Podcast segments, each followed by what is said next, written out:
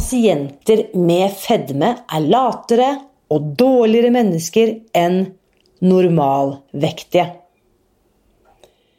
Det er fordommer du risikerer å bli møtt med i helsevesenet i dag.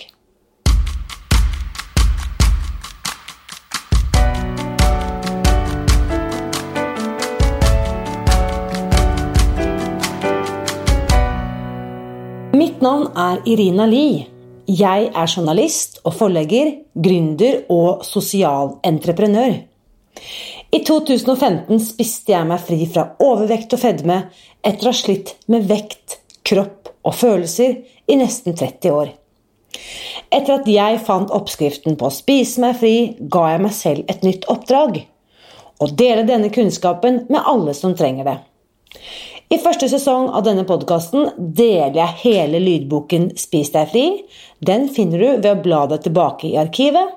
Og hver uke inviterer jeg nå gjester som gir deg påfyll til hodet, hjertet og magen. For min visjon er å endre Helse-Norge. Det får jeg ikke til alene. Du kan bidra ved å abonnere på podkasten, skrive en omtale i iTunes og dele denne episoden med noen du bryr deg om. Da setter vi i gang med ukens episode. Dagens tema er ikke bare kontroversielt. Det er også veldig vanskelig å avdekke. Derfor er jeg ekstra imponert over at forsker og intensivsykepleier Nastasja Ropstad, som du skal få møte i dag, har gjennomført dette krevende forskningsprosjektet, som du skal få høre mer om. Før vi kommer så langt, så vil jeg gjerne ta med en tilbakemelding fra Sol, som har skrevet følgende omtale av podkasten i iTunes.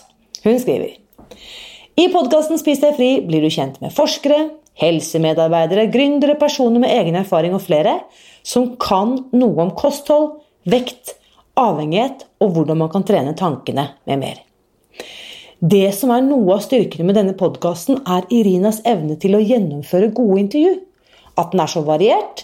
Hun intervjuer mange ulike mennesker med ulike perspektiv og erfaringer. Og at hun tør å stille spørsmål til de hun intervjuer, som gjør at de kan utfordre Spis deg fri-metoden som hun selv følger. I denne episoden, i denne podkasten lærer du mye. Den anbefales på det varmeste, skriver Sol.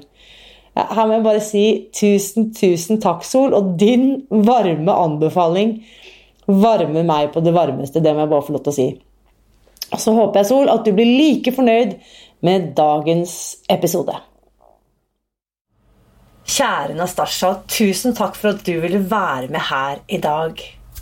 Ja, tusen takk for at du spurte. Jeg syns det var veldig gøy å få være med fantastisk, fordi denne samtalen jeg gledet meg til aller helst Vi har jo ikke møtt hverandre før, før vi nå ser hverandre denne lille Zoom-skjermen.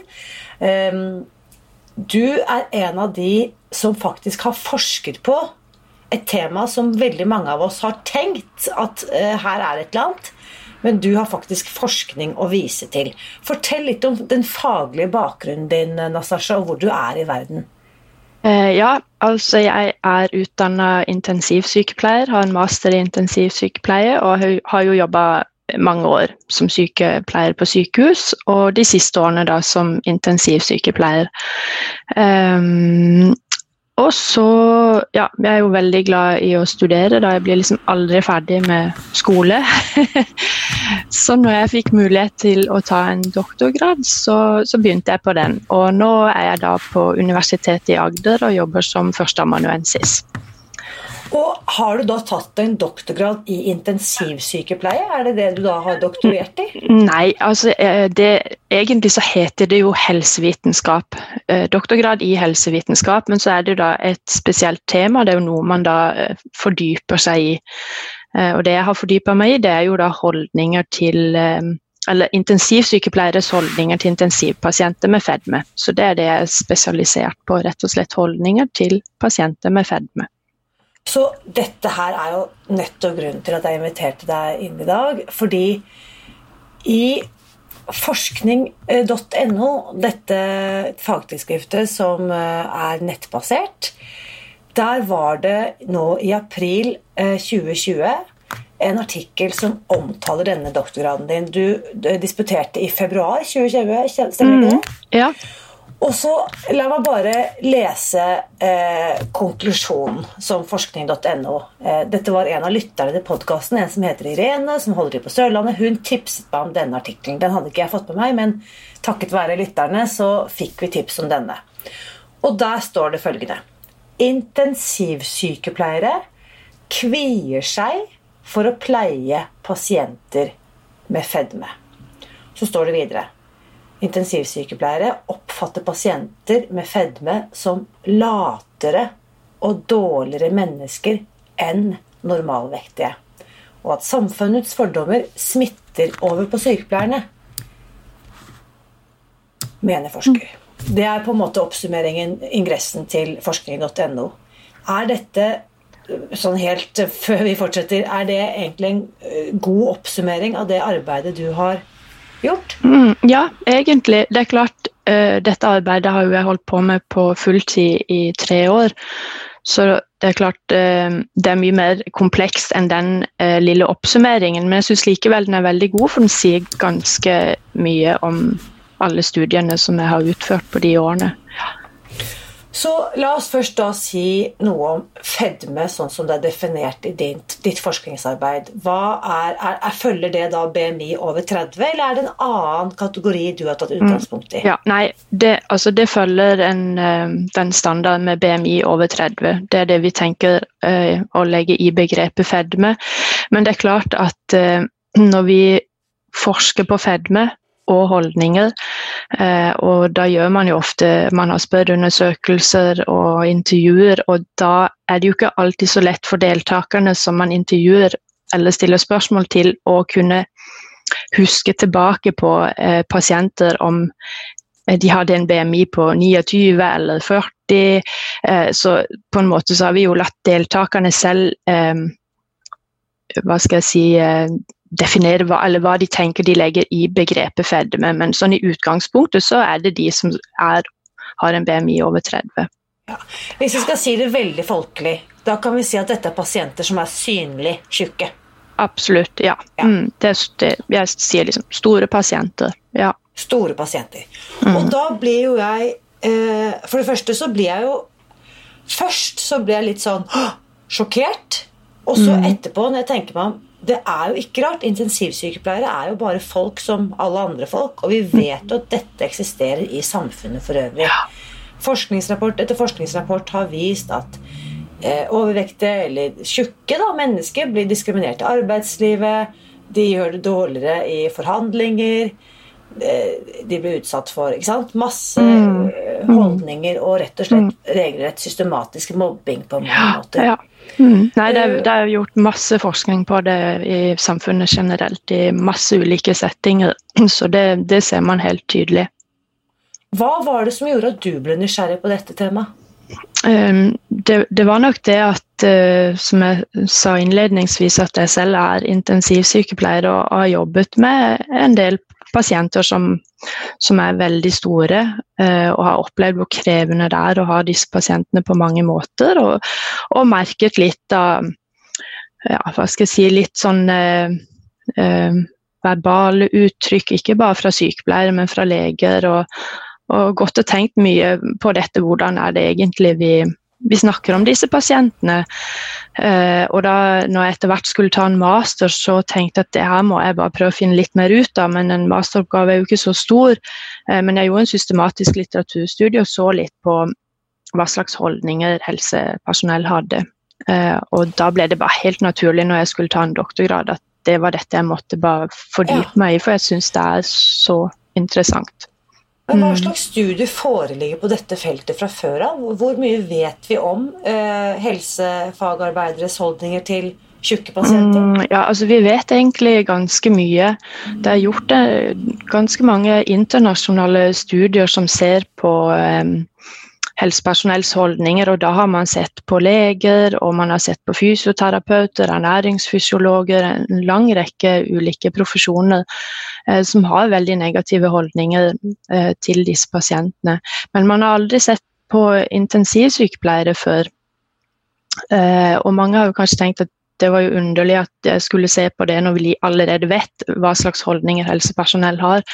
Um, men ja, de fleste vet vel kanskje mye mer om dette med intensivpasienter nå i disse koronatider, for nå ser vi jo mye bilder i, i, media. Man begynner kanskje litt å forstå hva en intensivpasient er, men det er jo de mest syke pasientene på sykehuset. De er kritisk syke eh, og er veldig sårbare eh, mange, både fysisk, men også psykisk. Så det er klart at den behandlingen og den måten vi er overfor disse pasientene på, det er bare så eh, altavgjørende for hvordan forløpet deres foregår. og Derfor tenkte jeg at vi, må se rett og slett på eh, på den gruppen som behandler de aller sykeste pasientene.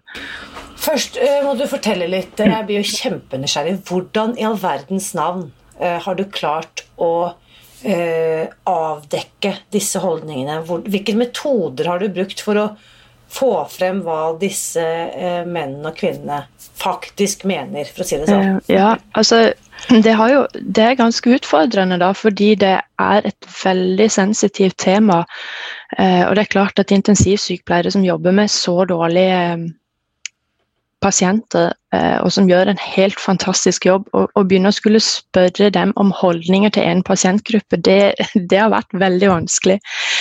Men første, den første studien det var en studie der jeg intervjua intensivsykepleiere om deres erfaringer i å pleie disse pasientene. Uh, og det var individuelle intervju, så da satt jeg uh, og intervjua én og én intensivsykepleier om deres erfaringer. Uh, og da kom det jo fram veldig mye um, hvor vanskelig det var å ha disse pasientene, hvor sårbare de opplever at disse pasientene er, og også hvor fysisk krevende de opplever at, at de er. Eh, og så bygde jeg da på en del av disse svarene eh, og gjorde, eh, lagde da en spørreundersøkelse hvor jeg så på både implisitte og eksplisitte holdninger. Jeg kanskje skal fortelle litt om det, for det er vel noe av det jeg syns er veldig spennende i disse studiene mine. Da. For, Absolutt, gjør det. Ja, altså Bare veldig kort fortalt. Eksplisitte holdninger det er holdninger eh, som vi vet at vi har, og som vi kan forklare at vi har. Så hvis jeg stiller deg noen spørsmål om dine holdninger, så vil du være ganske klar på det. Og så vil jeg kunne enten intervjue deg, eller jeg vil gi deg et spørreskjema. Og så kunne du da eh, rapportere i det. Utfordringen med å måle eksplisitte holdninger, det er jo at eh, eh, vi kan ha en tendens til å underrapportere litt, spesielt hvis det er sensitive holdninger, litt sånn vriene holdninger. Så pynter vi gjerne litt på det, og det er ganske sånn eh, kjent innen forskning. Så la oss si da, Hvis du spør meg er du rasist, så ville jeg sagt nei, ja. nei, det er jeg selvfølgelig ikke. Ja, men så ville du implisitt kunne klare å avdekke at ja, jeg faktisk så ville jeg nok, Ja, eh, for det er klart det er på en måte ikke politisk korrekt. Så du ville nok anta Kanskje ville du uh, score litt, men du ville kanskje pynte litt på det.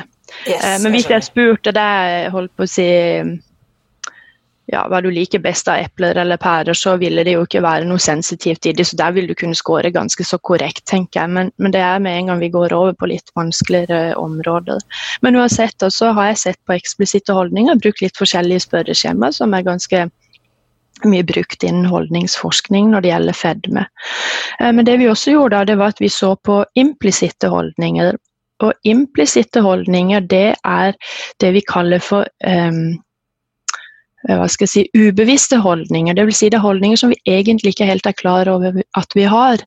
Um, det er veldig uh, sånn um, direkte holdninger, uh, og det er de som ofte styrer handlinger som er litt sånn kjappe og litt lite gjennomtenkte.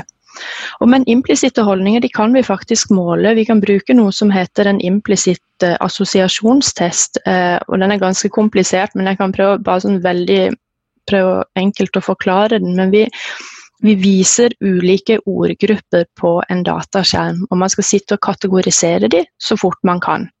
Og Da får man f.eks. opp tynn og tykk. Og så får man opp positive og negative ord, og så skal man nå kategorisere eh, ord som passer til tykk, og ord som passer til tynn. Eh, og vi kunne f.eks. tatt et eh, ja, La oss si at vi skulle se på blomster og edderkopper. Vi ville se på holdninger til blomster i forhold til edderkopper. Og da er det ganske typisk at de fleste ville kategorisere negative ord til edderkopper. De yes. Ja. Eh, og det er sånn eh, og, eh, og det tror man også når det gjelder tynn og tykk, at de fleste negative ordene vil havne på tykk. Eh, og nå får de da en oppgave hvor de skal gjøre det så fort de kan. Og vi måler da reaksjonstid i millisekunder. Eh, og så blir dette statistisk kjørt, og så får man da ut noe det vi kaller for preferanser. Og da kan vi se på preferanser fra tynn til tykk. Eh, det var ganske enkelt. Ja. ja, dette ja. var fantastisk fascinerende. For nå fikk jeg mange Jeg får jo 100 spørsmål med en gang. Ja. Og da, La oss si tynn, tykk, stygg, pen. Mm. Ikke sant? La oss se på ordgruppen tynn, tykk. Da har vi eh, stygg og pen, f.eks. Så kan man tenke seg, da, eh, veldig banalt sagt Tynn vil være pen, tykk vil være stygg. Mm. Mm, og så lurer jeg på, hvis jeg er intensivsykepleier og sitter og krysser av og kanskje selv da har slitt med vekt, så mm. kan det jo kanskje like gjerne være holdningene til meg selv og min egen overvekt som der kommer frem, mm. eller? Ja, det som er, det er, er jo at uh, du får Du skal på en måte ikke tenke. Når du sitter med et vanlig spørreskjema, så får du god tid, og du kan tenke og du kan vurdere. Uh, men når du tar en sånn implisitt assosiasjonstest, så blir du pressa på tid. Du blir bedt om at dette skal du gjøre så fort du kan. Dvs. Si at du skal ikke ha noen overveielse, du sitter bare og taster. Eh, men det er klart, det ligger jo noe bak en implisitt holdning, selvfølgelig. Og man vet eh, det man tror er at dette er gamle eh, Man sier at det, er rester av gamle opplevelser som ligger bak en implisitt holdning. Så det er jo et eller annet som påvirker deg på en måte til å score sånn som du gjør. Og det kan jo kanskje være noe i forhold til deg selv, men jeg, jeg tror nok egentlig ikke det. Nei, ok. Da, men uansett så er det holdninger som vi kanskje ikke er så kine på å snakke høyt om. Absolutt, og, og er, det er veldig ubevisste holdninger, men de ligger der likevel. Og det er ofte det som styrer det um, våre handlinger når noe skal skje litt fort. Altså det som ikke er så veloverveid. Så hvordan holdninger er det du har Altså Vi har nå snakket om at det er negative holdninger men, og at det er mhm. fordommer, men hva slags eksempler på holdninger er det forskningsarbeidet ditt har avdekket? Uh, ja, altså For eksempel så har vi jo da gjort disse uh, implisitte testene, og der er det veldig tydelig at intensivsykepleierne de har implisitte preferanser for um, for tynne. Dvs. Si at eh, preferansene deres er i mye større grad eh, retta mot tynne enn tykke. Så de, eh, de, har egentlig hva vi kaller for negative, uh, negative implisitte holdninger for tykke mennesker. Og Det er veldig tydelig i to av studiene. og så har jeg sett på mange ting, men jeg har bl.a. sett på viljestyrke. Eh, og Der eh, kommer det også veldig tydelig fram at de mener at eh, tykke pasienter har mye dårligere viljestyrke, og at de er mye latere enn normalvektige. Vi, også, vi, har hatt en del ordpar da, når vi har målt eksplisitte holdninger, hvor vi har sett på f.eks. dårlig og god, hvor man skal på en måte score litt, tykk og tynn. Hvordan ligger de når vi bruker begrepet dårlig og god? Eh, og da kommer det ganske tydelig fram at de opplever eh, tykke mennesker som mye dårligere enn tynne mennesker. Jeg, jeg, jeg får litt frysninger når du forteller, fordi mm. la oss nå si denne koronavåren har jo lært oss én ting, og det er at innimellom så handler liv og død om hva vi kan ta oss tid til å prioritere. Mm. Nå vet jeg at dette, Denne forskningen din har ikke akkurat adressert det, men hvilke konsekvenser får dette? Vil det si at i en presset situasjon så vil den disse implisitte holdningene også påvirke hvem som får nødvendig helsehjelp fort? Um, det vet vi jo ikke ennå, da. Uh, og det er jo det som er vanskelig. For um, når jeg har gjort disse studiene, så tenkte jeg at én ting er jo å ha disse holdningene, men Gir det seg utslag i hvordan vi behandler pasientene, eller er intensivsykepleierne så proffe at de må måtte ha disse holdningene, men, men, de kommer ikke til uttrykk i noe. Så det vi gjorde, det var at vi målte det vi kaller for atferdsintensjon. Dvs. Si at vi kunne ikke gå direkte inn og måle hvordan de behandlet pasientene, men vi kunne måle intensjonen om en eller annen atferd. Og da lagde vi små vignetter, og små vignetter det er små jeg si, historier om daglige situasjoner på en intensivavdeling, sånn at dette er noe som alle intensivsykepleiere kan komme borti på, på en vakt. Og så skulle de da velge om de ville eh, gi pleie eller behandling til intensivpasient med fedme først, eller gjøre noe annet i ulike situasjoner. Og Da kom det helt tydelig fram at de, de ville pleie eh, denne intensivpasienten med fedme med det samme. Så det var jo faktisk eh, ganske positivt. Og så prøvde vi å å gjøre noen eh, statistiske beregninger på om deres negative holdninger ehm, var assosiert med måten de da valgte, eller eh, med deres atferdsintensjon. Og det fant vi ikke. Vi fant ingen sammenheng der. Så det var jo også veldig positivt. Eh, så hvis vi ser det ehm, bare det, så var det altså Holdninger var ikke assosiert med atferdsintensjon. Veldig positivt. Men når jeg intervjua intensivsykepleierne, så kom det jo fram et litt annet bilde. Da sa de at um, de gjerne ville gi lik og god pleie til alle pasienter uansett vekt. Men de opplevde disse pasientene som så fysisk krevende. De syntes det var frustrerende og irriterende fordi de syns at dette var selvpåført, altså fedmen var selvpåført. Og dermed så stilte de spørsmål til om disse pasientene faktisk hadde eh, krav på lik behandling som normalvektige. Og det er klart, det er jo ganske alvorlig. Eh, så derfor nå blir det litt rot når jeg forklarer dette, her, for dette er jo flere studier. Men jeg prøver, hvis jeg skal se litt under ett, så kan vi ikke si at holdningene påvirker handlingene deres, eller atferdsintensjonen, for det er jo det vi har sett på. Men de gir likevel uttrykk for hvor veldig vanskelig dette her er med å ha disse pasientene, og mange av de sier at de har ikke lyst til å ha det i det hele tatt. Hvis de kunne velge, så ville de ikke det. Eh, og det passer veldig godt inn med mye annen studie som er gjort på helsepersonell, at de ønsker egentlig ikke å ha disse pasientene. For det er for krevende, og de syns at dette er selvforskyldt. Jeg, nå, eh, eh, du får tilgi mine ville tankesprang her, men det er kanskje litt som å jobbe på en lungeavdeling og så få inn masse storrøykere og skulle behandle dem for helseplager. Og så tenker man ah, så tåpelig. Disse menneskene har jo valgt å røyke disse sigarettene selv, og nå skal de mm. komme her og få hjelp. Mm. Litt typ, ja. ikke sant? Um, og da er jo spørsmålet, og dette vet jeg at faller langt utenfor studien din, men det er jo dette, derfor jeg syns det er så viktig å snakke om dette, at jeg tenker jo at disse menneskene, også mange som sliter med Jeg, jeg tror ikke det er noen som frivillig har påført seg selv fedme. Nei. Ikke sant? Absolutt ikke. Nei, absolutt ikke. Eh, og jeg tenker eh, Det er jo også litt med mine tanker at eh, det er så utrolig enkelt å tenke at dette uh, går på viljestyrke, og at dette er selvforskyldt, og at disse er latere og dårligere enn andre fordi de har en annen vekt enn det som på en måte er det tynne idealet som det nå er kalt i vårt samfunn. Um, og det, jeg syns det er faktisk ganske skremmende. Um, ja, hadde det vært så enkelt at det bare var viljestyrke, tenker jeg, så hadde vi nok løst dette problemet for lenge siden. Fordi vi, Da vi snakket sammen i forkant av dette intervjuet, mm. så spurte jeg deg også jeg, jeg, tenkte da kanskje du selv har erfaring ikke sant, som overvektspasient eller ja. slitt med fedme. Eller, du sa du har jo aldri det. Nei. Fordi jeg som har sittet i stolen hos fastlegen med, i kategori fedme, har jo blitt mm. møtt med fordommene, nedlatenheten, nedsnakkingen. Mm. Typ sånn Hvorfor kan du ikke bare ta deg sammen? Mm. Eh, hva hvis du spiser litt mindre? Har du prøvd å mm. bevege deg mer?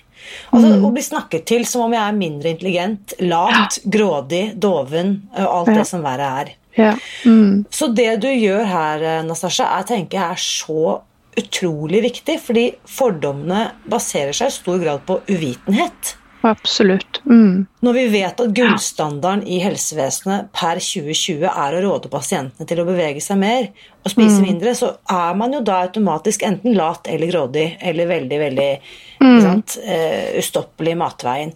Ja. Uh, og det er akkurat sånn som du sier, da, da, legger man det over på pasienten som om det handler om viljestyrke. Mm. Ja. Uh, men da lurer jeg på hva er veien videre nå som du har avdekket disse holdningene? Ehm, hvor ønsker du å ta forskningen videre? Hva ønsker du å gjøre med den kunnskapen du nå har avdekket eller besitter? Det første Nå er det jo ikke lenge siden jeg disputerte, så skal jeg bare lande litt. ja. Men eh, nei, det jeg skal i gang med, det er å intervjue intensivpasienter med fedme og få et innblikk i deres erfaringer. Hvordan det faktisk mm. er å være uh, intensivpasient med fedme. Så det er det jeg skal i gang med nå. Det gleder jeg meg veldig til. Uh, for det tror jeg er viktig å høre hvordan de opplever det. Mm. Uh, og om det samsvarer med det vi har funnet um, uh, Ja, hva vi har funnet hvordan intensivsykepleieren opplever det. Så, så, det er det. Uh, jeg, har, jeg har, minnet meg om en, en studie fra USA hvor Og det var referert til et norsk medium, nå husker jeg ikke hvor jeg leste det. Hvordan helsevesenets manglende tilrettelegging for de veldig tjukke pasientene. Bl.a. at det ikke er senger som er brede nok, eller stoler mm. som er brede nok på mm. venterommet. Slik at det også har vært pasienter som har måttet legge seg ned på gulvet. ikke sant? Mm. Ja. For å, øh, og da tenker jeg Det kan jo bare forestille oss hvor fornedrende øh, hvor den, den, opplevelsen må være hvis man kommer inn som pasient i, i, på sykehuset med behov for akutt helsehjelp, og så må du mm finnes ikke engang en stol på venterommet eller en Nei. seng som er stor nok til deg. Nei, det er helt forferdelig. Det er så nedverdigende. Og, eh, og det vil jeg også bare si at eh, disse intensivsykepleierne de kjente veldig på det. Og syntes det var så vanskelig eh, at det var mangel på utstyr. Og de opplevde disse pasientene som veldig sårbare, noe som gjorde at de syntes det var ja, mentalt faktisk veldig krevende å pleie disse pasientene, fordi de, de ønsker jo virkelig å gjøre en god jobb, disse mm. intensivsykepleierne. Det jeg, må jeg jo si. Ja, også, Det var fint at du også understreker, for jeg kjenner ja. også flere som eh, jobber som intensivsykepleier. Mm. Og mitt eh, inntrykk, u, altså, både gjennom denne koronavåren og fra tidligere, er at helsefagarbeidere, fra, alt fra vernepleiere til eh, doktorer og professorer, gjør en formidabel jobb og mm. gjør en heltemodig innsats for både å redde mm. liv og helse. Mm. Og samtidig ja. jeg at det er veldig veldig viktig at det arbeidet som du gjør på forskningssiden, kommer frem, sånn at vi alle sammen kan bli bevisste våre egne holdninger. Jeg har jo disse mm. fordommene, jeg òg. Mm. Helt automatisk. Ja. Mm. ja. og jeg tror mange har det. Nei, jeg vil òg understreke det, eh, at de gjør en helt fantastisk jobb. Dette her er eh, høyt utdanna intensivsykepleiere som Ja, det er en fantastisk eh, gruppe sykepleiere, det vil jeg bare si. Men jeg, jeg, har tenkt at ja, det bare Vi, vi må ikke være redde for å, å, ta opp sånne vanskelige temaer. Og noen må bare hoppe i det og gjøre det. Og, for ellers så kommer vi jo ikke videre. Og det er klart vi til tross for at man er sykepleier, så blir man jo påvirka av verden rundt. Sånn er det jo. Vi er jo ikke avskjerma fra, fra, det generelle som, som skjer. Nei, så, så, det tenker jeg. Og, jeg vil også si at det er klart um, jeg har fått mye positive tilbakemeldinger fra intensivsykepleiere. Syns det er så fint dette her at jeg har tatt det opp. Og jeg har vært rundt og holdt litt foredrag på, um, på sykehus. Men jeg har også fått mye negativt. At de sier at dette kjenner de seg overhodet ikke igjen i. Uh, og det er så fjernt fra det uh, å være sykepleier. Og ja, det er noen som har sagt at dette her var bare helt eh, bortkasta forskning. Og, ja, så det er jo trist, da. Men jeg tenker uansett, altså nå har jeg stått i det, og vi må tore å snakke om det. Eh, for å si det sånn, eh, Nastasja, det kan jeg kjenne meg igjen i. Si ting som kanskje er helt åpenbare, og likevel få oppleve at det ikke er veldig populært. Så det er jo bare ekstra applaus ja. at du tør å ta opp et såpass kontroversielt tema. Ja. Og at du løfter på teppekanten på noe som kanskje folk flest ønsker at vi ikke skal snakke så høyt om. Mm, og så er jeg nysgjerrig um, fra din erfaring som intensivsykepleier.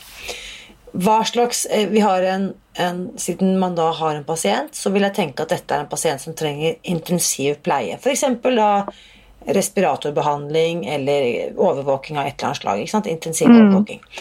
Hva slags utfordringer møter du på? La oss si at det er en mann. Han veier 200 kg. Eh, han er såpass dårlig at han ikke selv kan hjelpe til mm. Eh, i, mm. i, i, sengen. holdt jeg på å si. Ja. Han kan ikke selv løfte seg. Eller. Hva slags utfordringer snakker vi om fra sykepleierens side? Ja, ja, nei, det er helt enorme utfordringer det går jo alt på det at denne pasienten selvfølgelig er så tung. Og, og hvis han ligger på respirator, så er han ofte sedert, dvs. Si at da er han sovende. Og det er klart at eh, og det er ikke en vanlig søvn, sånn som når vi går og legger oss og kan snu oss i løpet av natta. da De beveger seg ikke i det hele tatt. Så det er klart, en sovende eh, pasient er jo på en måte tyngre. Og disse pasientene de skal snus annenhver time pga. pusten, men også for å unngå trykksår. Og det er eh, bare så uhyre tungt, og man må ofte være flere. Og, altså man kan være så mye som fem, seks, syv stykker for å klare å snu en sånn pasient. Fram og tilbake annenhver time. Eh, så sliter man jo med utstyr som ikke passer, sengene er for små. Eh, alt utstyr som skal brukes, alt fra blodtrykksmansjetter man skal legge inn uh, si, med sånn intravenøse ting. Det, det, det, er ikke så, altså, ingenting ofte altså det, det, er ikke tilpassa, og det er veldig krevende.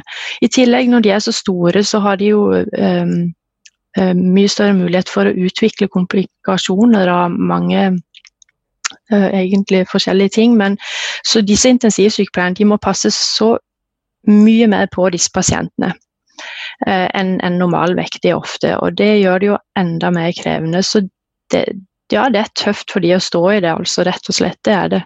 Eh, og så tenker jeg det jo ofte det at de er så redde for å si noe feil. ikke sant? Og Man kommer ofte til å stønne og bære seg litt, eller og de sier vi kommer til å skjære litt grimaser, og så er de redde for at pasienten hører det eller ser det. og Når du står der og river og sliter i pasienten, så føler du nesten at du gjør mer vondt enn en godt. Så dette er veldig komplekst, og det, det er kjempevanskelig med disse pasientene. Det er det altså.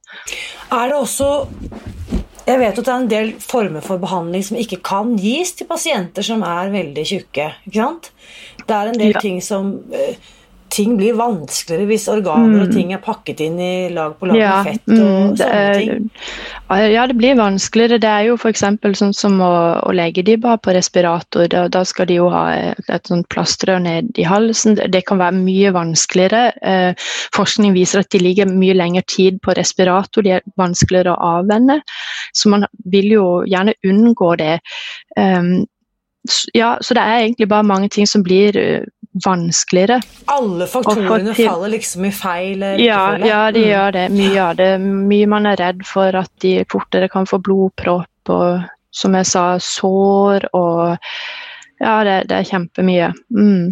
Så, så, det er krevende, og det er klart at det, det, fysisk krevende arbeidet det påvirker jo også holdningene. at uh, ja, I mine studier så har de jo sagt at de blir rett og slett irritert over at de skal stå der og uh, slite og mm styre med dette her. Så ja, nei, det er veldig komplekst. Ja, og Hvis man i da mm. tillegg ikke har slitt med overvekt eller fedme selv, og ja, faktisk ja. tror at denne pasienten har gjort dette frivillig, ja. så skjønner jeg at irritasjonen kan bli mm. litt uh, ja, men, men, det har jeg bare lyst til å si en ting, og det er ganske interessant. Eh, for det er veldig mange studier som eh, når de ser på holdninger, eh, så skiller de på de som deltar i hva slags vektkategori de selv er i. Og så tenker man jo da ofte at hvis man var veldig stor selv, så ville man ha bedre holdninger. Men det er ganske sjelden at man finner De har som oftest ganske dårlige holdninger selv. Og i min studie den største som jeg gjorde, så så vi også på det. Er det noe forskjell her?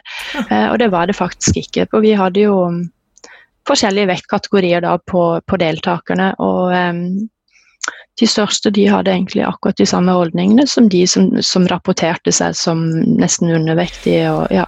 Utrolig interessant. Uh, og, og, det um, Man sier at um, eller forskning viser ofte at uh, hvis man på en måte tilhører en, en, gruppe. Vi kan ta et eksempel med de som røyker når røykeloven kom.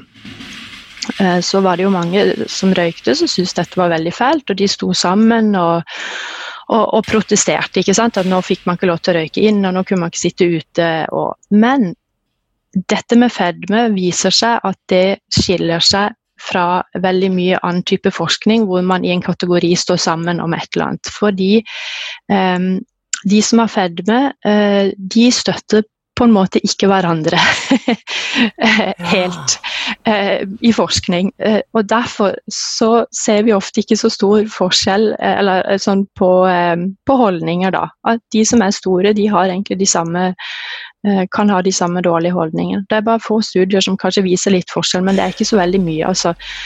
og det kan være mange ting. Det kan være det at man ikke har lyst til selv å på en måte vise at man tilhører denne kategorien, eller ja.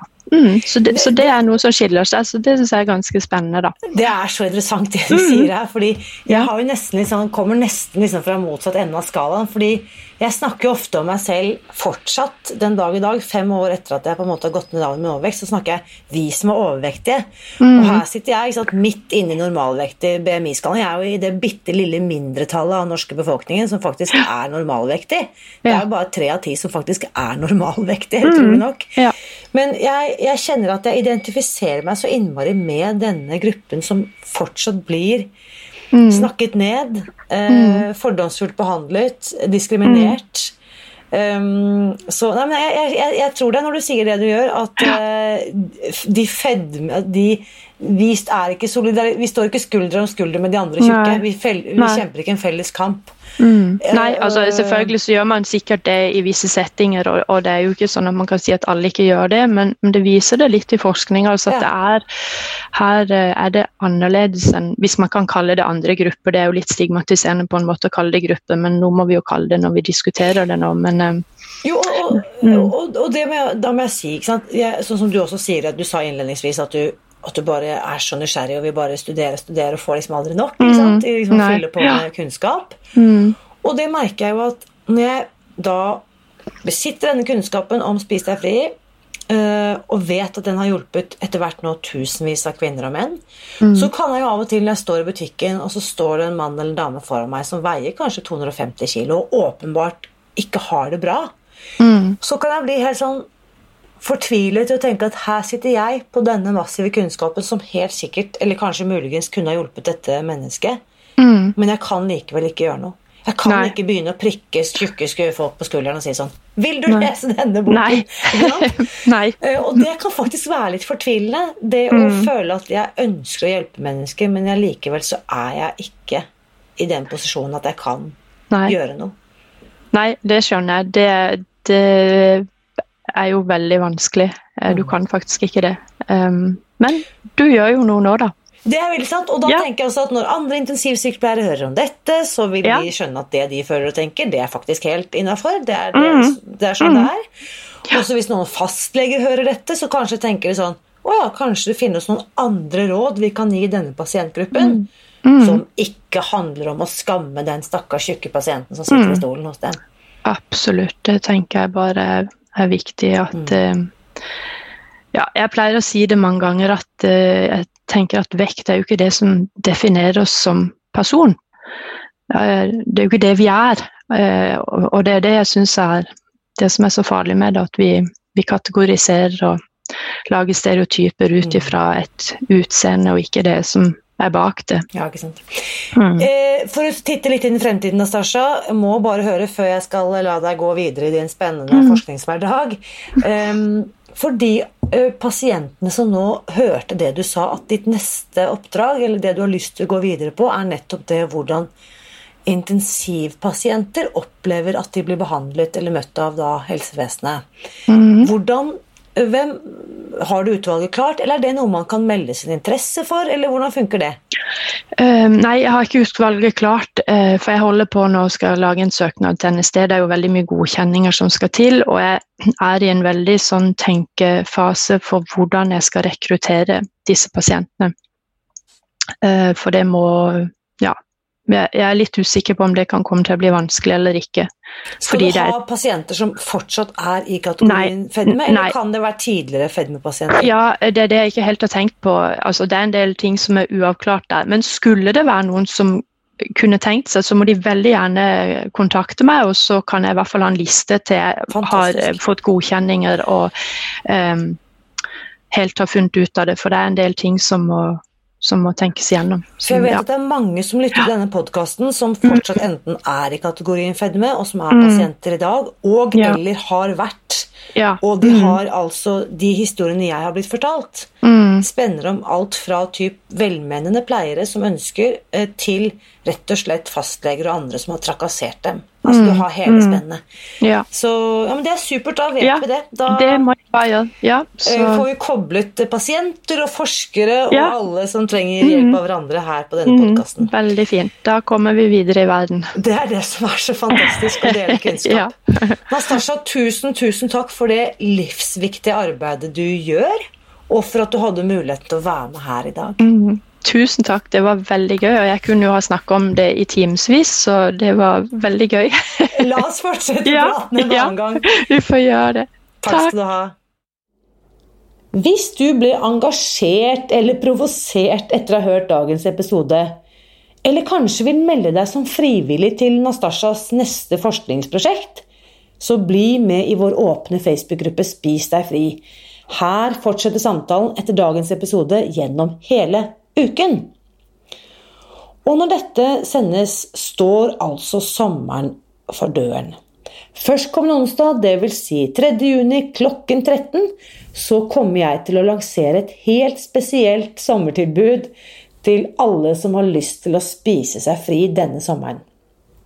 Det skjer altså på den ukentlige livesendingen som jeg har på Facebook hver eneste onsdag klokken ett. Så sommertilbudet blir egentlig ikke lansert før på onsdag, men hvis du som hører dette er nysgjerrig og har lyst til å gi deg selv en 20-start, så finner du faktisk mer info allerede nå ved å gå til spisdegfri.no sommertilbud. Og dette sommertilbudet er bare gyldig frem til og med neste søndag, dvs. Si søndag 7. juni 2020. Så hvis du hører dette i opptak senere, så vil jeg bare oppmuntre deg til å abonnere på podkasten, så er du sikker på at du ikke går glipp av sånne gode nyheter fremover. Og neste søndag så gjør vi igjen et stort sprang. Da går vi fra sykehus og fedmepasienter til rusomsorg og avhengighet. Du skal nemlig få møte Rita Nilsen, en norsk pioner innen rusomsorg og avhengighetsbehandling. Den episoden vil du ikke gå glipp av, enten du definerer deg selv som avhengig eller ikke. Som du vet er mitt motto at gode nyheter er skapt for å deles. Når du skriver en omtale av denne podkasten i iTunes, slik som Sol gjorde for noen uker siden, så gir du faktisk flere muligheten til å finne frem til denne episoden. Så tusen takk for hjelpen. Husk også at jeg heier på deg alltid.